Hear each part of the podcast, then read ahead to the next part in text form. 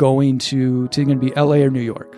Yeah. And he's like, "Well, I don't want to go to L.A., but I moved to New York." I said, "Fine." So put my car on Craigslist, sold it, and he and I threw all of our stuff in a U-Haul and moved to New York.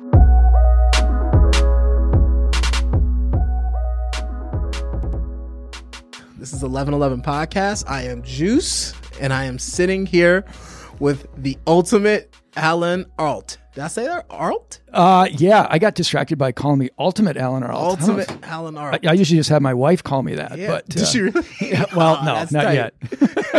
not just yet. not But I like that yet. name. Yes, Yeah, uh, Alan Arlt. You said it perfectly. Perfect, perfect. Uh, super rapid fire question. Yeah. Are you a sneaker guy? You know, I, I, I am. I shouldn't say I am. I love the Jordan ones, Oh yeah. um, but I'm not as addicted as some of my buddies are who have literally closets of stuff.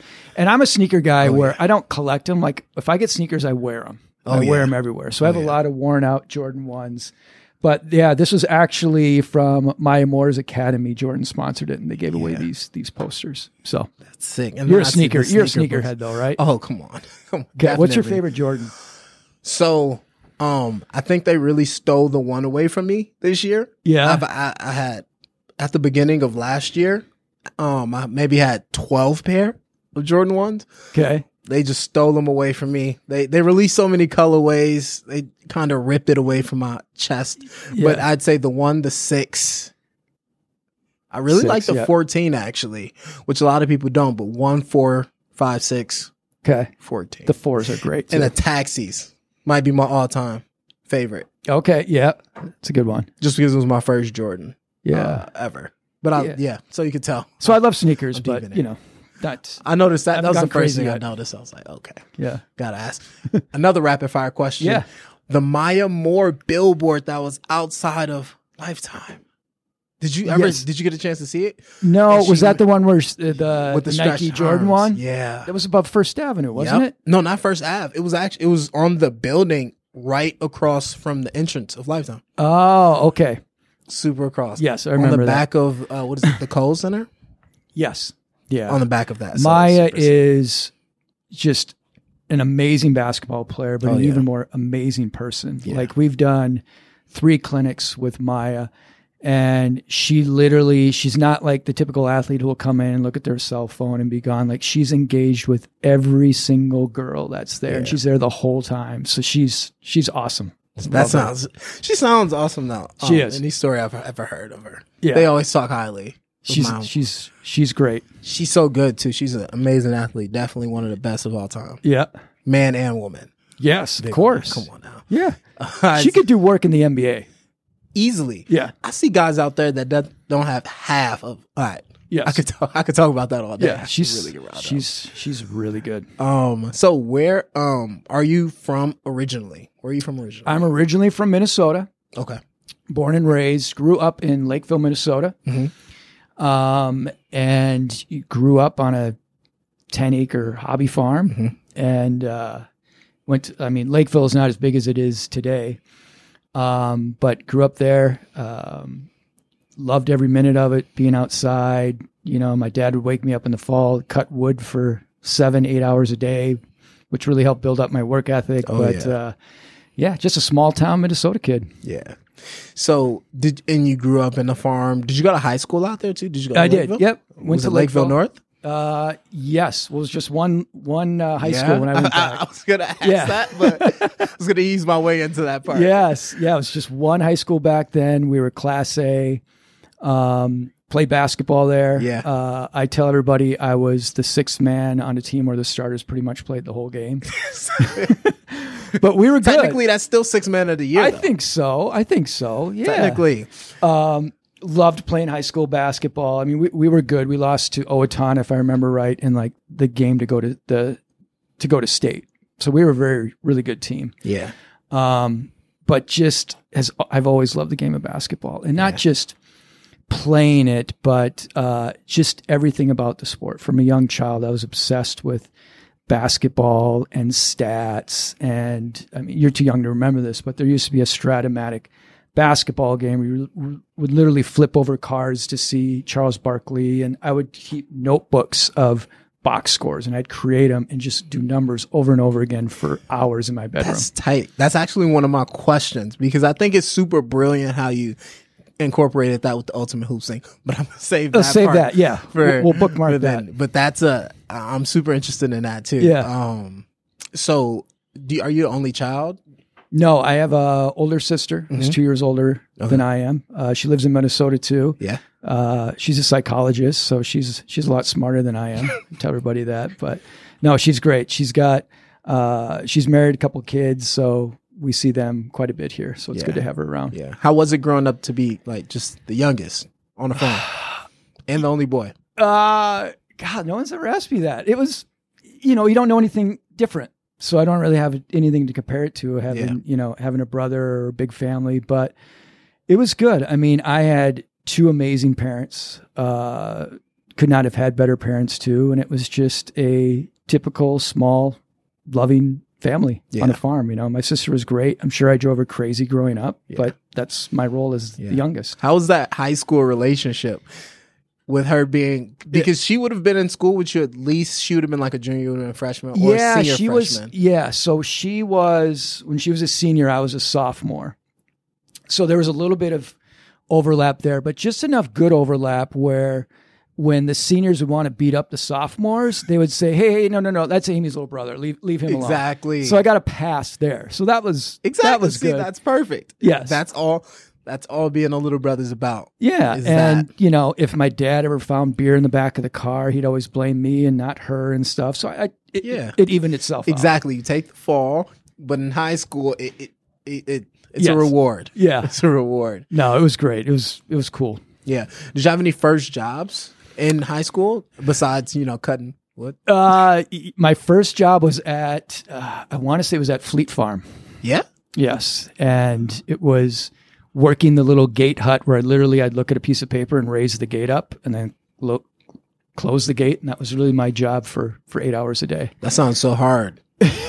It was hard mentally because the day would go so slow. As a teenager too. Yeah. But I have such a uh, active imagination that I would fill time in my mind and start thinking about things or imagine. I mean, it was good for me because I'm very good at being alone. Yeah. Um, so being isolated for eight hours just made me, I used that time for creative stuff. It's good. Same. Same. Um, so high school you, what's high school Alan like? Uh, senior, high school, senior year. what was I like? Boy. Um, I would say, I don't know if I'm much different than I am now. Are you a professional student? Or are you No. on more on the athletic side? Yeah, I, I was never a great student. Um, I was, I wasn't a bad student, but I was high C, low B. Um, never did homework. I just couldn't concentrate. Um, I don't know. Today they call it ADHD. I'm sure I had that, where I just couldn't focus. As much as I knew I had a big test on Monday, I would just not do it. I just Yeah. couldn't get into it and stuff. So, um, but as I got older and got into college, I became more of a student because I was able to focus more. Yeah. Um, and I just didn't see the point in high school. There was nothing that I was really interested in. I didn't have huge ambitions to go to college. And my parents, God bless them, they never went to college. So I never had that parental pressure of, well, you got to get into this school or that school. You got to Yeah. study. They didn't, they didn't really pressure me that way. So it's pretty much just, just sports. Yeah. And of course I did my research, but for Yeah. question's sake, uh, what college did you go to? I went to so I went to two colleges. I went to uh, the University of Montana for two years um, because I wanted to be a journalism major, and they had a very good journalism school. So I was there for two years, and realized that I didn't really want to stay in Missoula, Montana. That Montana wasn't really a, a, a fit for me. And during that time, I started getting in more towards longer form fiction, creative writing, and the University of Minnesota had a very good English program. So came back, transferred back to the University of Minnesota, and then graduated with an English major there. And I also wrote for the Minnesota Daily, the newspaper, while I was there as well. Well, obviously I need to research better Yeah. because I missed two years in Montana. yeah, well, you know, in fairness to you, I don't, I don't even know if I have that on my LinkedIn profile or that's very well known. You know, I I've went got- deep. I'm talking deep research. really Like past LinkedIn. Like I, I'm not. I, I think I checked LinkedIn maybe a week ago when we kind of locked it in, but Okay. that was just for giggles. Like I just checked Yeah. that. That's the first one, and then Well, I think what you'll find about me is I, it's strange. I was never on an airplane until I was 18 years old. And the first time I was on an airplane was to go to orientation at Montana. So my summer vacations were camping in Minnesota or driving somewhere. So, but I've always had a sense of adventure. And I thought, like, well, now's my chance to get out of Minnesota. It's a good school Mm-hmm. But it allows me to go check out something I've never checked out before. Yeah. So I had that, and then later when I moved to New York as well, Yeah. I just kind of had that that chip. that's incredible. Um, I definitely I think it's a similarity there. I didn't get on my first plane until I was 21. Okay, But I had where'd you go? same- Someplace fun, I hope. Oh yeah, Vegas. Vegas. Okay, it that was should for- be everybody's first trip. But it wasn't even for Vegas. It was for Agenda trade show. You ever heard of agenda trade show? Oh man, I'll have after this. I'll just show it to you. But Okay. it's super big as far as like streetwear goes. okay, It's amazing. It's Oh, amazing. nice. So I went there with the company I work for, and I still work for now. So I went there with them, and I turned 21 maybe a week before that. okay. So it was just it was insane. But Wow. Montana, how Yeah. was that leaving your family for that first year, going on a plane which you've never been on, Yeah, and I'm guessing as far as atmosphere, it was probably not too different from where you were. yeah, not raised? really, but you know, in some ways, it felt like Vegas because you're a freshman away from from school, Yeah. away from home. Um, especially your first uh, fall quarter as a freshman, all you're doing is going out every night and Homecoming. homecoming you know you're meeting people that you've never met before your sphere of friends and that whole ecosystem of a i was in a school that had 400 kids now there's 4000 kids at a university new town uh, new people new locals. So for me it was it was like I entered a whole new world. I know it was different than Minnesota, but just the lifestyle completely mm-hmm. changed. Like to go to bed in my buddies sharing a dorm room and not have my parents down the hall or anything like that. So any the typical freshman when you go away from home for the first time is was great. Yeah. Yeah. Okay, that sounds better. A lot of people have. They're like, you know what? It was a. I had to adjust. I'm like, what? Had to Yeah, I mean, you certainly have to adjust. Listen, I, I had one of my good friends from high school. He went out there as, as well, and we were roommates. So I had that buffer or that Mm. Yeah. base of like, at least I got one homie with me Yep. here, no matter what. Worst case scenario, I know you. Exactly. We you and I can go to the bar and sit alone if we have to and stuff. But um, no, just living in a dorm, we met people, a lot of different people Yeah. just in the first week and stuff. So it was it was great. I loved it. That sounds amazing. Yeah. Did he move back home with you? No, he stayed and graduated from University of Montana. Yeah. Are you I guys still close?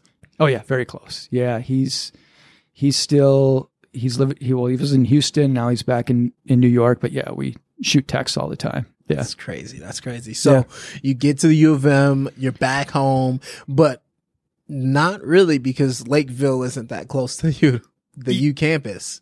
Yeah. No, but I- you're still and- in Minnesota. Yeah, I mean, I came back here really just like I just I wanted to do something else. Like I knew I need, needed to graduate college. Um, English seemed for me to be the fastest route and something I was passionate about, and that's key. Once I knew what I wanted to do, or thought what I knew wanted to do, which was creative writing and to be a writer, suddenly I got super focused. And I got all A's my last senior year of college because I was so focused and into it. And I was like, found something that I liked. And I, Yeah, I had- passion. It was- had passion. And not only that, but I found a teacher or an instructors or professors who really believed in me and told me like when someone tells you at that age like you have talent, mm-hmm. my God, what fuel is that? Because I I had it from my parents, but I never really heard that from anybody else. And when you're 19 or 20 years old and an adult says you're very talented at something or think you have talent, it's like for me, that's the only fuel that I need. oh yeah. So it was it was great. Oh yeah. So how did you use that exact fuel once you graduated? What did you did you have like some I feel like that exact fuel always leads to a it's easy to say irrational decision, but it's always very rational. Did you have that moment? Well, yeah, uh, great question. So it it certainly empowered me to give me confidence of I I have talent in a certain area, and it coupled with I was ready to leave Minnesota again. So literally, the week after I graduated college from the U. My buddy Sean, who I went to Montana with, graduated as well. He came back to Minnesota and he was going to figure out what he wanted to do next. And then he and I went out and I said, I'm leaving Minneapolis. I said, I'm I'm going to it's going to be LA or New York. And he's like, What are you gonna do for a job? I said, I don't know. I'm just gonna like pack up and go out there. I said, Do you want to come with? I said, I'm thinking LA because I have a car. And I'm thinking, mm-hmm. well, I have a car. I have to go out to LA. I can't have a car in New York. Yeah. And he's like, well, I don't want to go to LA, but I moved to New York. I said, fine. So put my car on Craigslist, sold it. And he and I threw all of our stuff in a U-Haul and moved to New York, put a apartment on our credit card, sight unseen, and moved out there with no jobs. And this was literally three months after we graduated from college. And my parents and his parents were literally like, ghost like just like what are these two guys doing like they just they supported us but i think they were a little little worried about us um, but for me and for sean too we were just like we had such a sense of adventure and i was so enamored with new york and i'd never been to new york before either i'm just like i don't want to just go visit i'm just going to go move there Yeah. figure it out That's that's crazy. I'm taking my first trip to New York in maybe like four or five days. Fun fact. Oh my God. It's, you're going to love it. I mean, it's changed a lot. I mean, I moved it there in 96, I mean, a long time ago. And it was a time right at the last moment where you could move there with a buddy and still not make a lot of money, but still be able to live in the city. And those days are gone now. far gone. yes. Very far gone. So you and Sean, you pack up and you take how long is that? Sixteen hours? Seventeen? Probably Yeah. eighteen. Boy, I don't remember. Probably 18 or 19 hours because we were driving a U-Haul, so we couldn't go very fast. Yeah. So Um, how was that trip like?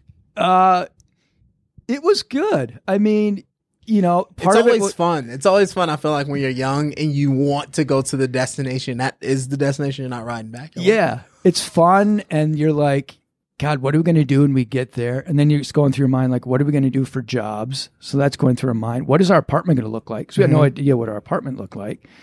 Um, so yeah, all those, all those things. I mean, when you're 22, 23 years old and you're literally going with, with your best friend in a U-Haul to New York City and not knowing what the hell you're going to do. I mean, it doesn't get any better than that. yeah, yeah, Yeah. So you get there. What's the first thing you guys do? You and Sean, besides like eating and you know the regular New York stuff. Uh, well, I'll tell this quick story because it's one of my favorites. So we get into New York, drive, drive in there, and we're supposed to meet a realtor who has keys to our apartment.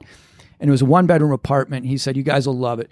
The bedroom's big enough where you guys can actually put up a wall and you can convert it into a, a two bedroom. You guys are going to love it." So we're like, "Okay, sold." Yeah, So we get there. The realtor's not there, but he's left the keys for us. Mm-hmm. So we walk up, walking in the apartment, and the one bedroom is literally the size of a queen size mattress. Like that's that's the size of it. And we're like, oh God. So yeah. So totally oversold the apartment square footage on us. So my dad, God bless him, built us bunk beds and shipped us out, shipped it out. And we lived in bunk beds uh, for a year or so till we got a bigger place. But yeah, that was our that was our story. So Alan and Sean in the bunk beds. Yeah. New York. yeah, I mean the small bedroom. It, you know, the bathroom was so small that when you were uh, on the toilet, your legs would be underneath the sink. Like it was just a typical small, cheap New York. This is a real Apartment. thing. I Yeah. can't wait to visit to see with my own eyes. Yeah. that sounds bizarre though. Yeah, if you want to see our apartment, go to 11th University. Uh, it's 132 University. I think that's our old address, and you'll see the the apartment that that we were at. That's hilarious. Yeah. I'll put that in my notes. So yeah, that was it. I mean, we moved to our apartment, and then it was just literally trying to find jobs, sending resumes out, rejected, rejected, rejected. Um, luckily, my dad found me uh, a part-time job delivering furniture in New York City for EJ Audi because he worked for Gabberts here for for many years. So we had a connection out there. So I delivered furniture for three or four months, and then finally um, Turner Broadcasting called, and they had an open uh, entry level position there that I was able to to get in there. So what'd you do with that? Uh, well, You I, said entry level. So yeah, it was entry level. I- I didn't have. I- I mean, I went out there with ambitions to write, so I was looking for something that would just pay the bills, and I'd come home and I'd uh, work on my novels and stuff like that at night. So, but Turner Broadcasting was obviously a very corporate position. It was ad sales and television, something I had zero experience in. yeah. Um, but I knew once I got in, I'm a pretty, I'm a pretty adaptable person, and I could, and I could figure it out. And the support of Turner Broadcasting, I met people there who took me in and taught me a lot. And I had really good mentors there, really great bosses, and taught me a lot. Uh, Yeah. really, really uh, a lot of stuff very quickly. How long were you there?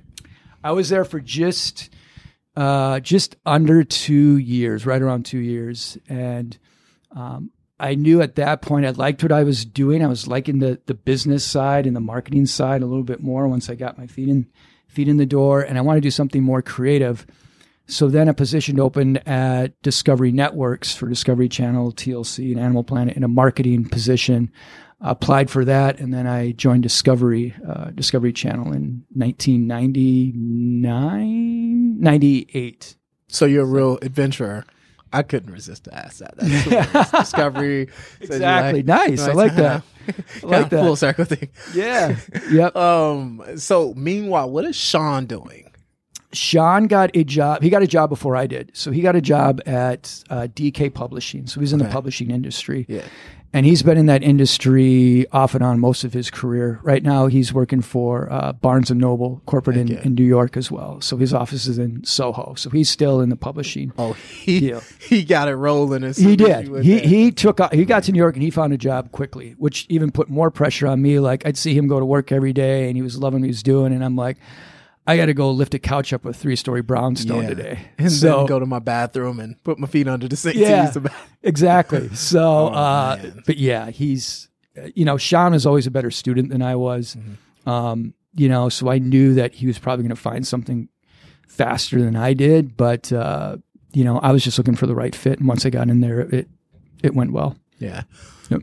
So through that journey, when what's your mind like as far as like um the the urge to create what will become ultimate hoops where's your mind at at this point is Yeah. it kind of a, a far thought is it a close thought are you kind of wrestling with it this is Yeah. at discovery This is at uh, Discovery. channel. Yep. So I was at Discovery uh, like six and a half years, Mm-hmm. and during that time, I was still very immersed in um, the East Village and still writing, still going to plays, Mm-hmm. still meeting with writing groups and like exchanging uh, ideas and writing and going to readings and stuff like that. And then I had my corporate life.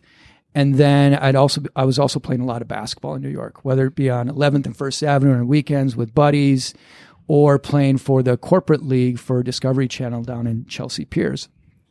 And that's when the moment really struck me for Ultimate Hoops is like these leagues suck. like a lot of leagues really yeah, suck, and you know, and Chelsea Piers was considered one of the best recreational leagues in the whole city. That's why Discovery had a team in there. But I would go to these games and some guys were in t-shirts, some guys were not, you know, no numbers, maybe two refs, sometimes it'd be one ref, nobody really kept score, there wasn't really a scoreboard. And you'd go out to uh, have a beer afterwards and guys would talk about, oh yeah, did you see I had 25 points tonight and 12 rebounds? And I'm like, no, you didn't. Like, yeah, I had a triple double. Uh, exactly. You remember that play? I didn't miss. Like I didn't and- miss once. You Yeah. went you went seven for thirty. exactly What are you talking about? exactly and so i'm like no that's that's not how it should be and then i would think back to where i was a child and i was so enamored with box scores and stats and i started thinking about that and then i would go to Knicks games and i would see guys my age in uh, Knicks jerseys going crazy and I'm, and it just all clicked to me like there's uh, 450 guys that get to play in the NBA but 25 to 30 million guys like me who never got to play in the NBA or even college that have always dreamed of playing in the NBA. I knew if I could create somewhat of a professional experience for the average Joe guy like me, that there would be a market for that. One thousand percent. Yeah. So that was always going through my mind. But I mean, I was also um, very busy with Discovery. It was a very demanding job. Um, I was moving up through Discovery. I was very content uh, there. And then it really took uh, uh, a big personal tragedy of losing my parents to made me think of what I wanted to do next. Yeah. Did that so that grounded you, I'm guessing. Just as far as life goes, that's that's that sounds like that grounding experience of like, listen, it could be over, you know, tomorrow. Yeah. So I have to what am I doing what I love? I feel like you're always kind of Yeah. put that question's always put in front of you when you when you hit that bottom. Yeah, it was layer. it was funny, Juice. I- Like everything converged all at once for me. So this was my dad died in July of 2001. Yeah. Then there was 9/11 and I lost a buddy that I played basketball with on 9/11 who worked for uh, Cantor Fitzgerald. And then a year later my mom died suddenly, both at 58 years old. So I lost my parents, both my parents within a year. Um, 9/11 happened and I was also was at Discovery for six and a half years, and I was getting the itch to do something else as well. So all that happened at once, and I knew that was the time that I needed to do something else. So I went to Discovery and I said, I got to take a break or I got to resign. They said, come back whenever you want. Come back in six days, six months, six years, whatever. They're super supportive. Uh, I still am very close to a lot of people at Discovery today. Um, but I didn't know what I wanted to do next. So I literally took a year, uh, almost a year and a half off, and I just traveled and did nothing and literally tried to. It was a mourning process for me. Uh, to process losing my parents so young, you know, I was I was uh, 29 years old when I lost my parents. Like I was still still pretty young, and I was super close to them. So I really did that. And then I moved back to Minneapolis, settled here to figure out what I want to do next. I have two options. I can go back to New York and work for Discovery Channel and go back there, or I can uh, do this thing that I scribbled on a napkin in Austin on my road trip that said Ultimate Hoops on it. And I could try this business here in Minneapolis and see if it works. And if it doesn't, I can go back to New York. So those are the two cho- two options I had. And this was around 2005 or so. Um, and I chose the latter. Ultimate Hoops. Yeah. Where'd you get the name from? Uh you know, I I wish it just it just came to me. Like I didn't uh I don't know. I literally I was in on this road trip going through my notes and I was keeping a journal while I was while I was traveling as well and and I started just scribbling down what was more of a journal and creative writing started turning into like this business plan around a basketball company. And I started thinking more about that. And I started to think of all the things that I learned in marketing working for Discovery Channel was all coming around because I didn't have that experience or insight when I was 22 or 23. So I had all this experience. I'm like, God, what if I applied the same principles to this basketball league? And it all started coming together. And Ultimate Hoops just was like the only name I wrote down. And I'm like, that'll work. Like I didn't put a lot of work, thought into yeah. it. Like I'm, I mean, I didn't, I didn't put a lot of thought into it. That's Just why sounded Ultimate, good. Ultimate Alan. Yes, exactly. that's why, that's why was full Yeah. circle. Um. So okay, you're in Minnesota. You're like, I'm gonna figure this Ultimate Hoops thing out. Yeah. Where do you go? Where do you go from there? Yeah. From from idea to execution. yeah. So I had really a plan in around December of 2005. I knew that this was something after working on it for three or four months. I'm like, okay, this is what I have. This is, I'm going to go after this now 100%.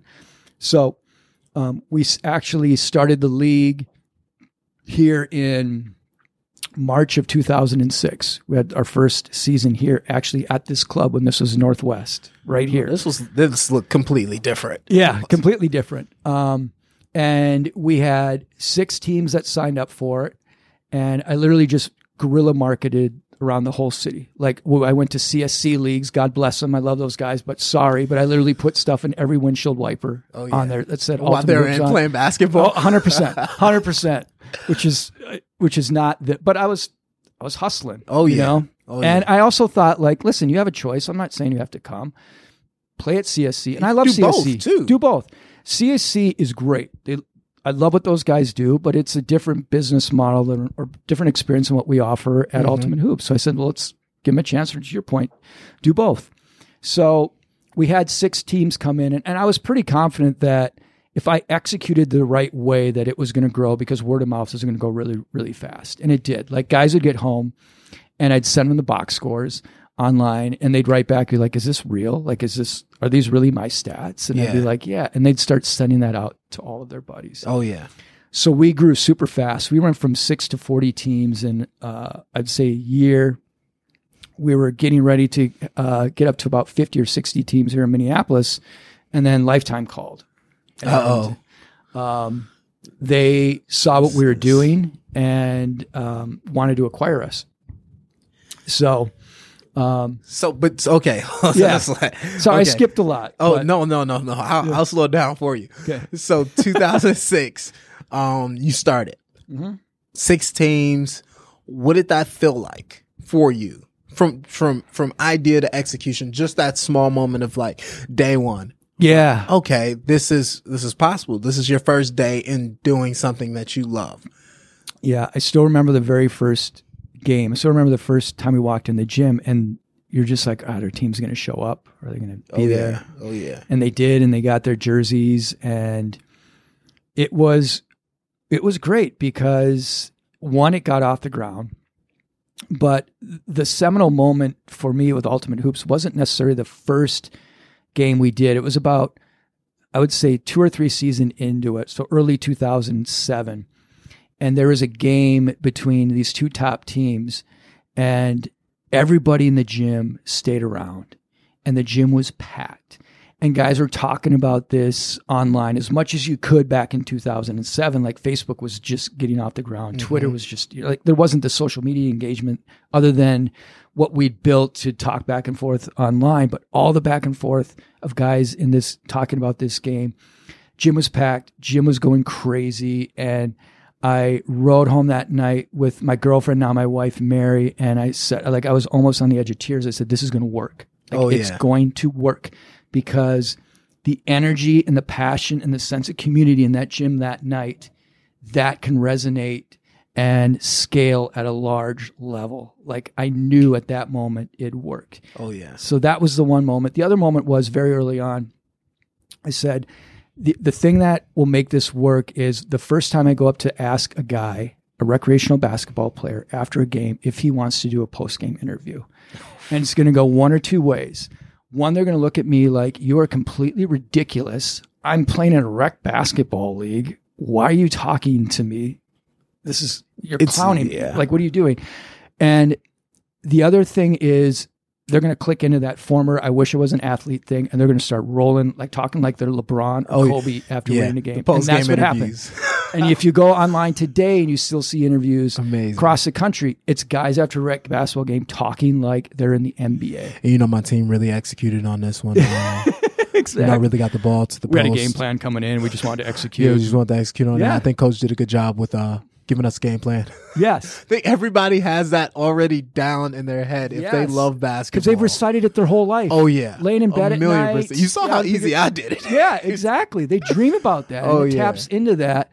Like I can release all of this dream and energy I have. I have an outlet for that now to live through that. And that's what we did. Oh yeah, and um, like I was saying about quality control in the beginning, uh, just with the podcast, Yeah.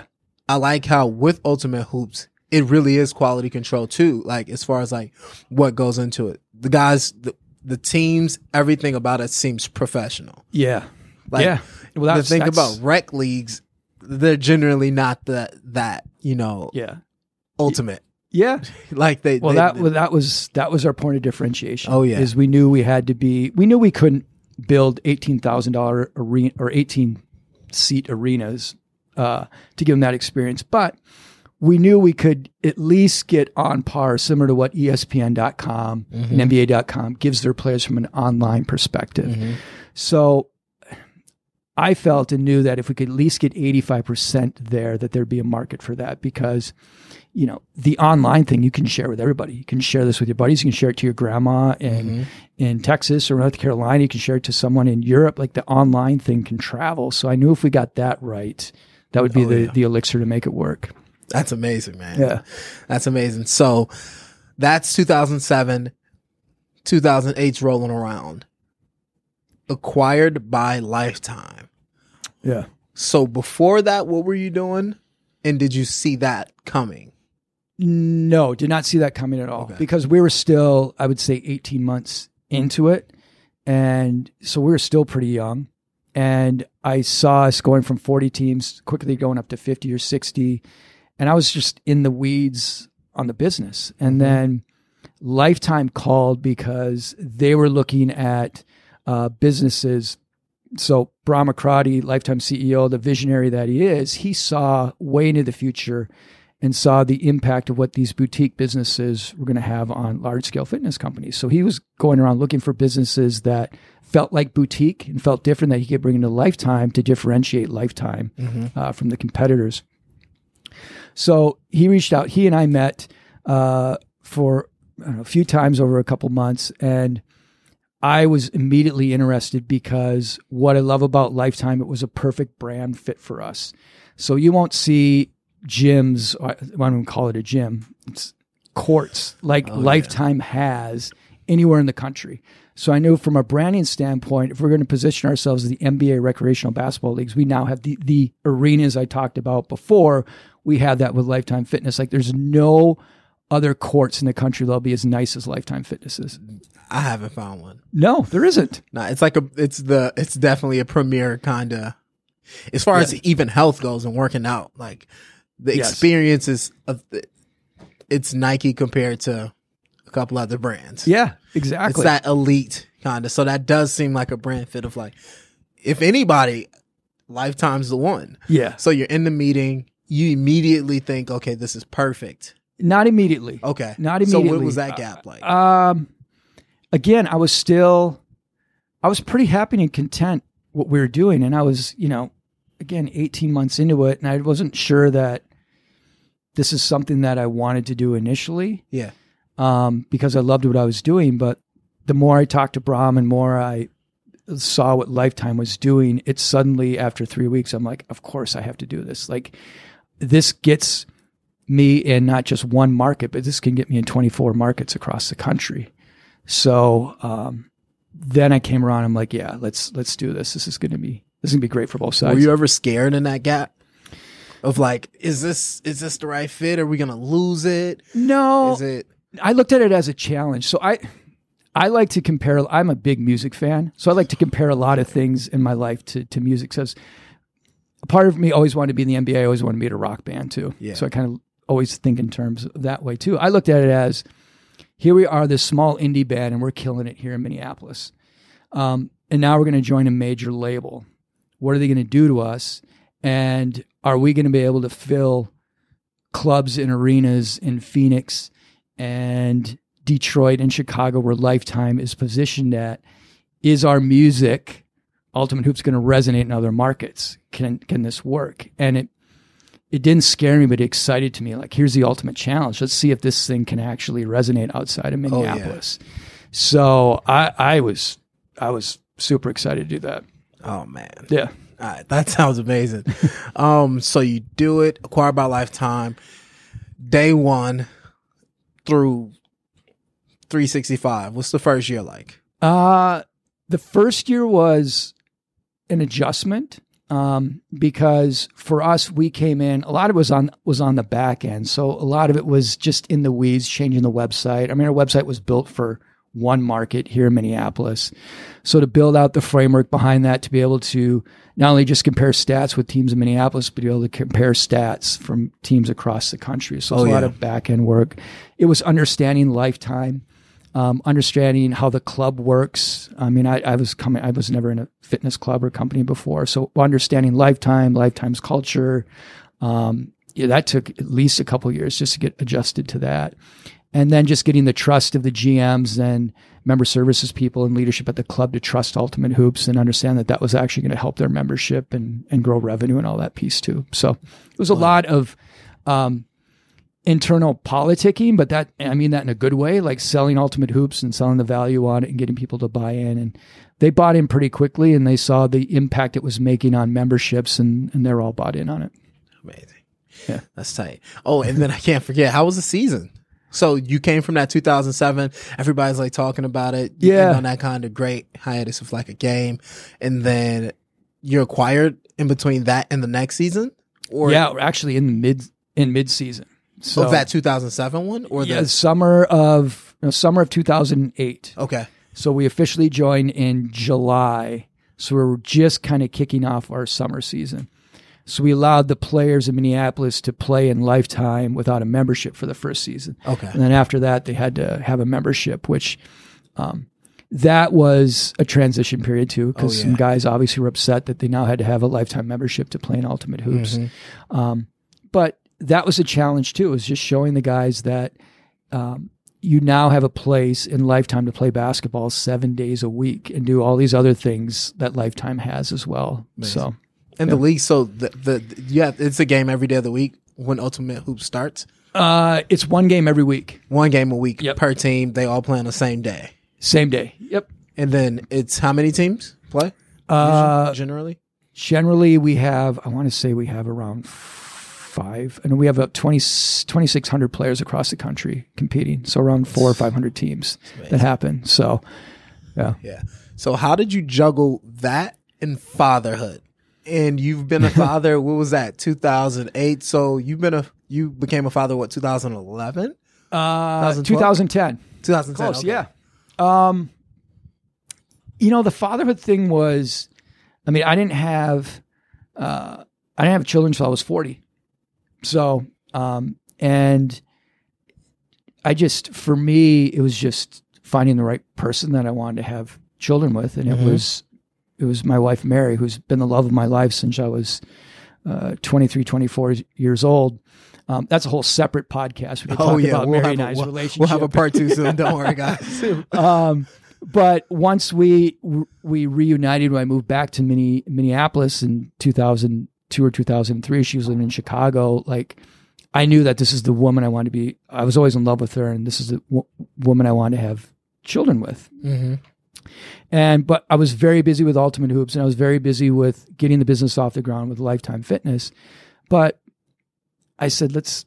There's no real right time to have children hmm you know and you can always figure out ways to integrate family and and work together and we just we just did it i mean luckily i'm blessed um, we're blessed that mary can be at home with the children and i Mhm. can i can work um, but i tell people i only have two great loves in my life my work ultimate hoops and my family Mhm. i don't golf i don't go on guys trips I don't, uh, you know, I have maybe four or five really, really close friends in my life, Mhm. and they know that the relationship we have is a text every now and again and stuff. But they also know that either way, like if something happens, like we're down I'm and we're there to support you. So that's, so it hasn't really impacted me because I just feel like I can give everything to my family and everything to my to my work as well. Oh yeah, that's Yeah. amazing. Yep. That's good. That's good. I'm happy that's the story. So, just to be courteous of your time, Yeah. I will transition into these last two questions. Okay. Think about these. I'm super passionate about Yeah. these questions because I think a lot of people um they need to hear it. These are these are tough ones. So, what do you think sets apart successful people from people who give up or never get started? Say it again for you. Okay. What do you think sets apart successful people from people who give up or never get started? Whew, good question. Whether that's in business or it's just starting an idea or Yeah. just as far as we could go health. Yeah, I think for me, it's, I mean, it's such an overused word today, but passion, but not just passion, but it, it's having a vision. You know, that's the thing that kept me focused is when I started Ultimate Hoops in 2006 and when I started putting flyers and CSC windshields, I'd go to bed every night and I saw the vision of us, multiple teams, an international company. Like Mhm. I saw that so clear in my mind that that was going to happen. And I was so convinced that there was going to be a market for this that I was just so convinced it wasn't going to fail. And I think it, that can be good, but it can also be dangerous because you can get delusional as well Oh yeah. but I think you just have to the minute you start questioning your vision, that's the time to start questioning the business because that's your fuel. That is literally your fuel. That's what keeps you going at 2:30 in the morning. That's what keeps you going when all your friends and family says, "Wait a minute, you're going to start a basketball company? You suck at basketball." Like you're Oh, yeah. like what are you doing? Like Oh yeah. go back to discovery. Go be an exec continue to be executive. Like what are you doing? You're ruining your life Be safe. Go be, be safe. safe. Yeah. The basketball company, but you got to be so confident that that becomes a shield where all that stuff deflects. And if you don't have that, you probably haven't found the right thing that you need to be doing yet. So Oh, yeah. that's my advice. Like That's it's got to be something that you're feeling way down your gut. It's got to be Oh, a yeah. fire. That sounds like Phil Knight. Got to read the book soon. Yeah, I will. Oh, yeah. It's it's on my to do. That sounds to read. that, that's that's definitely close to his story. Um, and then what's some practical advice you can give people who struggle with achieving their goals? Just practical advice for people who struggle with achieving a goal. Yeah. Um, you know, there's so many um, there's so many tools out there now that there wasn't there when I started Ultimate Hoops 10 or 11 years ago from from being organized to uh, finding uh, mentors online that you can follow who have done Oh, it there yeah. before. Like we didn't have that back when I started. Like I couldn't go on YouTube and listen to a a talk from a successful entrepreneur. Like Oh, yeah. today, there's so many people who have made so many mistakes and have been so transparent about it, and have been in situations that you haven't been before that you can learn from uh, as well. So there's a ton of advice out there that w- that wasn't there before. Um, but I would say really do. I said before, you got to feel it in your gut, but really do the diligence on your business plan on the front end. Like really do the market research, really get your finances right, test market as much as you can. And then I'd say the other most important point is how are you different? Make sure your your product is different, either from uh, the product is not out in the market yet, or you're offering a much lower price at a better value than the Oh, yeah. competitors. You got to have those two pieces uh, are the two most important things. So those are kind of the three or four things that I generally give advice on. Hundred percent. Hundred percent. Two super rapid fire Yeah, questions. yeah, go to ahead. end it. We got time. So, um, if you had to start from zero today for urban or uh, urban ultimate hoops, Yeah. what does the first twenty one days look like? Square one. Okay. I, th- I want to feel like we've I've done this game at a at a get together or something, or like literally if you get sent off on a planet and have to start Ultimate Hoops on another planet. Yeah. Is that what it is? That's that's funny. uh, I think I've been asked that somewhere before. Maybe I, I can't remember what I said though. Um, don't know if it would be any different than what I did back in 2006. I think it's just finding uh, one, finding a basketball court that Yeah. you can do that you can rent out for for cheap. Um, but then it's just uh, doing the same business plan as always, finding, delivering a great product, talking about it, getting strong word of mouth, uh, executing at a very high level, and hoping that the word of mouth will will spread. So Oh, yeah. that's the most important thing. You don't need a lot of marketing if you have a great product because Mm-hmm. people will talk about it. So that's what I always said. Your product will sell itself. It's Word done of the right way. mouth. The original marketing technique. Yes, exactly. And then, um, do you go to NBA games? Have you been to a decent amount, like in your life, or no? no. Okay. I remember you I'm- saying you've been to the Knicks. You went to a Knicks game, and that's kind of Yeah, well, I used to go when I, I'd actually, yeah, I used to go when I was younger, but now, and I don't know if it's because basketball just consumes so much of my day to day that I'm just like, I can't go watch or be involved in basketball because I have a lot of other interests, uh, outside creative interests. Um, I have my family as well that um, I'm not a typical uh, sports business guy who will go to basketball games, go to high school basketball games. Like, I love Ultimate Hoops, but there comes a point where I have other interests as well that I just don't. I don't have a lot of interest to go to NBA games. I'll watch some, but uh, and there's a great YouTube channel. I don't know if you're familiar with this, where you can go on and watch every game. They cut it within highlights. nine, mi- nine eight or minutes, nine minutes. thirty nine It's- seconds. yes, it's Yep. the greatest channel Oh, yeah. ever. ever. I'm telling you. They, yeah, they, I do. they edit everything out. seconds. Here's the great parts of every game. it. It's not just the great shots, but if there's a technical or a Oh, fight yeah. or something, like they include that. So I can watch an NBA game in nine minutes. Mhm. And and this is a whole other podcast too, but I could talk about like that's where the NBA is going to have to go is they're going to have to figure out a way to shorten games or because their audience is just not going to stick around for these two or three hour games anymore. Oh yeah, this should be fun. I'm interested to see how they adjust to time Yeah. in the next five years. I think, I think with a lot of things, which once we cut the mic off, I'll probably say, Yeah. it's like I think a lot of things are changing, especially with like social media and like YouTube and how things are cut and timing. Well, the and NBA shorten- is super smart. Like they're getting into esports, so they're getting their foot into that, which they know is is a is a um, not a direct competitor of them, but from time for time Oh, span yeah. point consumer, it's a huge huge uh, competitor for them. So they're smart to get involved with that. They're kind of heading off their competition early, but how they integrate esports into their on court games is going to be interesting. Oh yeah, and to see esports kind of get that final shine and, and growth because they've always been around, but to see, I, I think, Yeah. I think this, is I think this is going to be a good time for them. Yeah. they've been around I agree. for a minute, so I'm very interested to see how that goes. Yeah. So, thank Yeah. you, man. Yeah. It's been fun. This has been fun. Handshake Thank you, so man. they hear it. Yes, let's do this again. I get to get Oh, to ask you any questions about you. Oh yeah, we will. So- don't worry. Okay. Let's shoot if you have some. Well, talk about. Well, give me a little bit of your backstory. You told me you grew up in Chicago, right? Yeah. So tell me a little about Chicago. Oh man. Uh grew up Chicago, uh South Side, Englewood. So this is like perspective wise. I visited Chicago maybe two years ago with the owners of the company I work for. Yeah.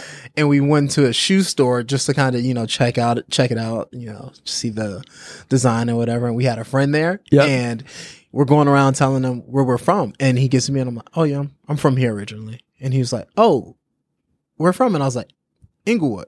He was like, he looked me up and down. and was like, "You're the cleanest dude from Englewood I've ever seen in my life." I didn't have one. I think I probably Jordan ones on some pants and a sweater. Yeah. but that. So that's kind of what I grew up in. Yeah. Uh, moved to Minneapolis when I was twelve in middle Okay. school. So I was like sixth grade. Yeah. So experienced sixth to eighth grade here. Loved basketball. Always wanted to play. Yeah. In fact, I had a tryout and I made the team. Me and my brother in Chicago. And then Nice.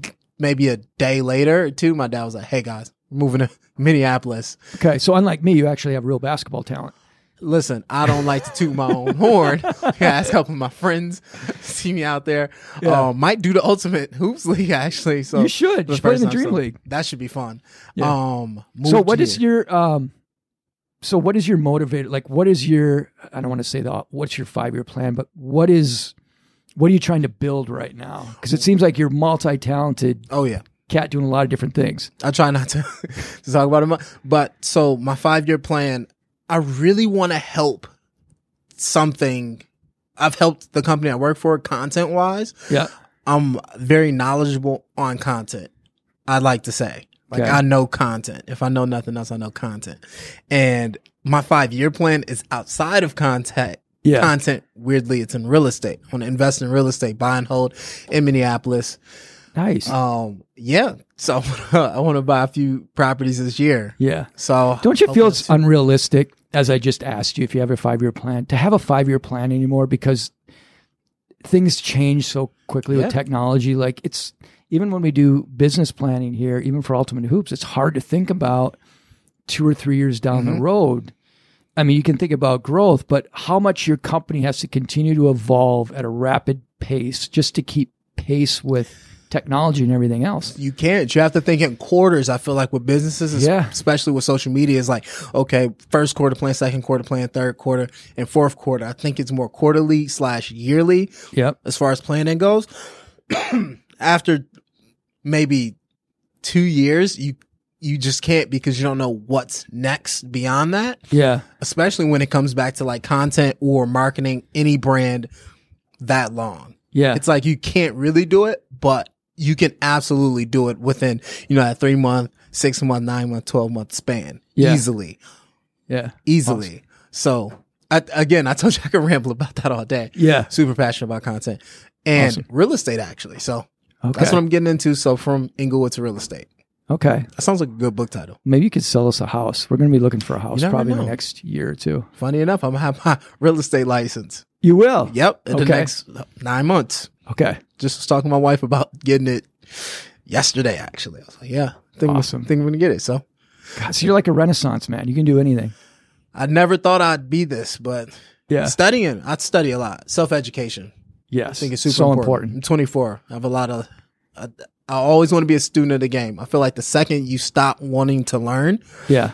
the second you lose. I Exactly. always want to, whether it's from a kid, whether it's from a homeless person I'm walking by, whether Yeah. it's from somebody my age or older, I think you can always learn. Curiosity is such an underrated attribute. Oh yeah. I mean that that can take you far. There's, there's a lot of people who they go to four year colleges and they they shut down their learning and they get in a place and they don't grow. At all. And I've luckily I've never been that way. Like there's still stuff that I'm learning about, not just from business, but just in life. Like I'm mm-hmm. curious about different peoples and countries and backgrounds and religions and all that stuff. Yeah. It's just Yeah, just make sure your kids keep that. They always use that term curiosity killed the cat. And I read something on that like, no, it- curiosity, you, you're supposed to keep that curiosity. I have a one year old son and I don't think I'd ever want to take curiosity away from him because that's a powerful thing. Yeah. So as long as you keep So that. I want to get your advice on something here real quick. And I know you got to oh wrap no, up. I'm good. I Okay. actually have time. So I struggle with this because maybe this is because I'm an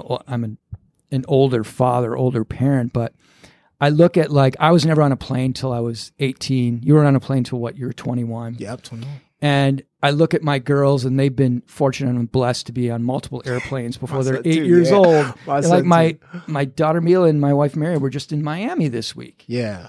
And I'm worried that if they get exposed too much before they're adults, that they're not going to have the curiosity of what I did and just throw everything in a van and go on an adventure and do stuff because they're like, I don't really like New York. I had a bad experience when I was 11 there or LA. Mm-hmm. That I kind of don't want to expose them to too much because I want to have their own curiosity to go do things.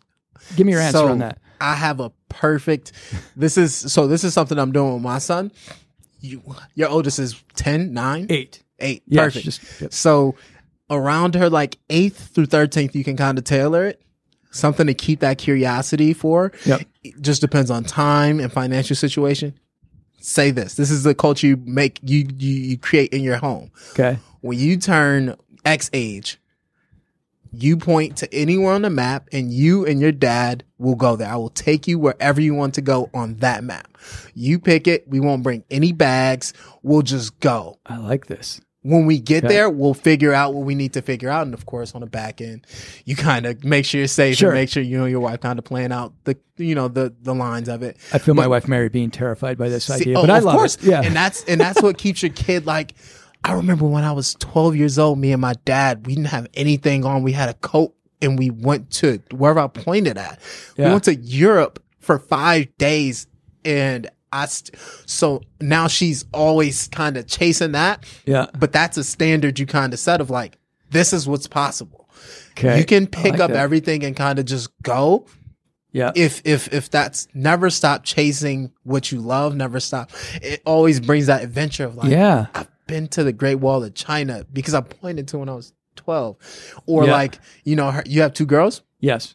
of her telling her little sister like. Hey, listen, this is the craziest.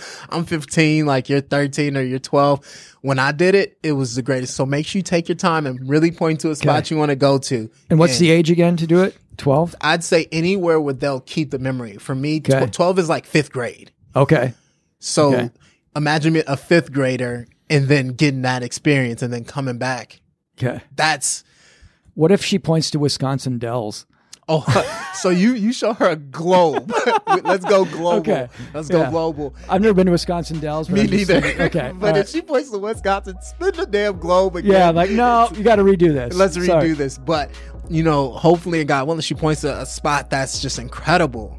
Yeah. Or and of course they're twelve, so where they point, you can kind of so if they point to the middle of nowhere. It's like, oh, okay, that's close to this. This is close to Egypt. yes. Egypt. Yeah. And then you kind of just kind of help them on that. Of course, you don't want to put them in a situation that's unsafe. So it's like, ah, let's pick again. That's, you know, they're not Yeah. too civilized right now. Let's Right. pick again. But that experience I for a young that. person is, okay. and I'm doing that with my son when I just kind of got that concept. I was like, okay, this She's is eight, so four more. Okay, four more years. We're gonna do a follow up podcast, and I'll tell you about the trip. say no more. Deal, man. this is fun, man. Thanks a lot. Good. Thanks, man. Peace.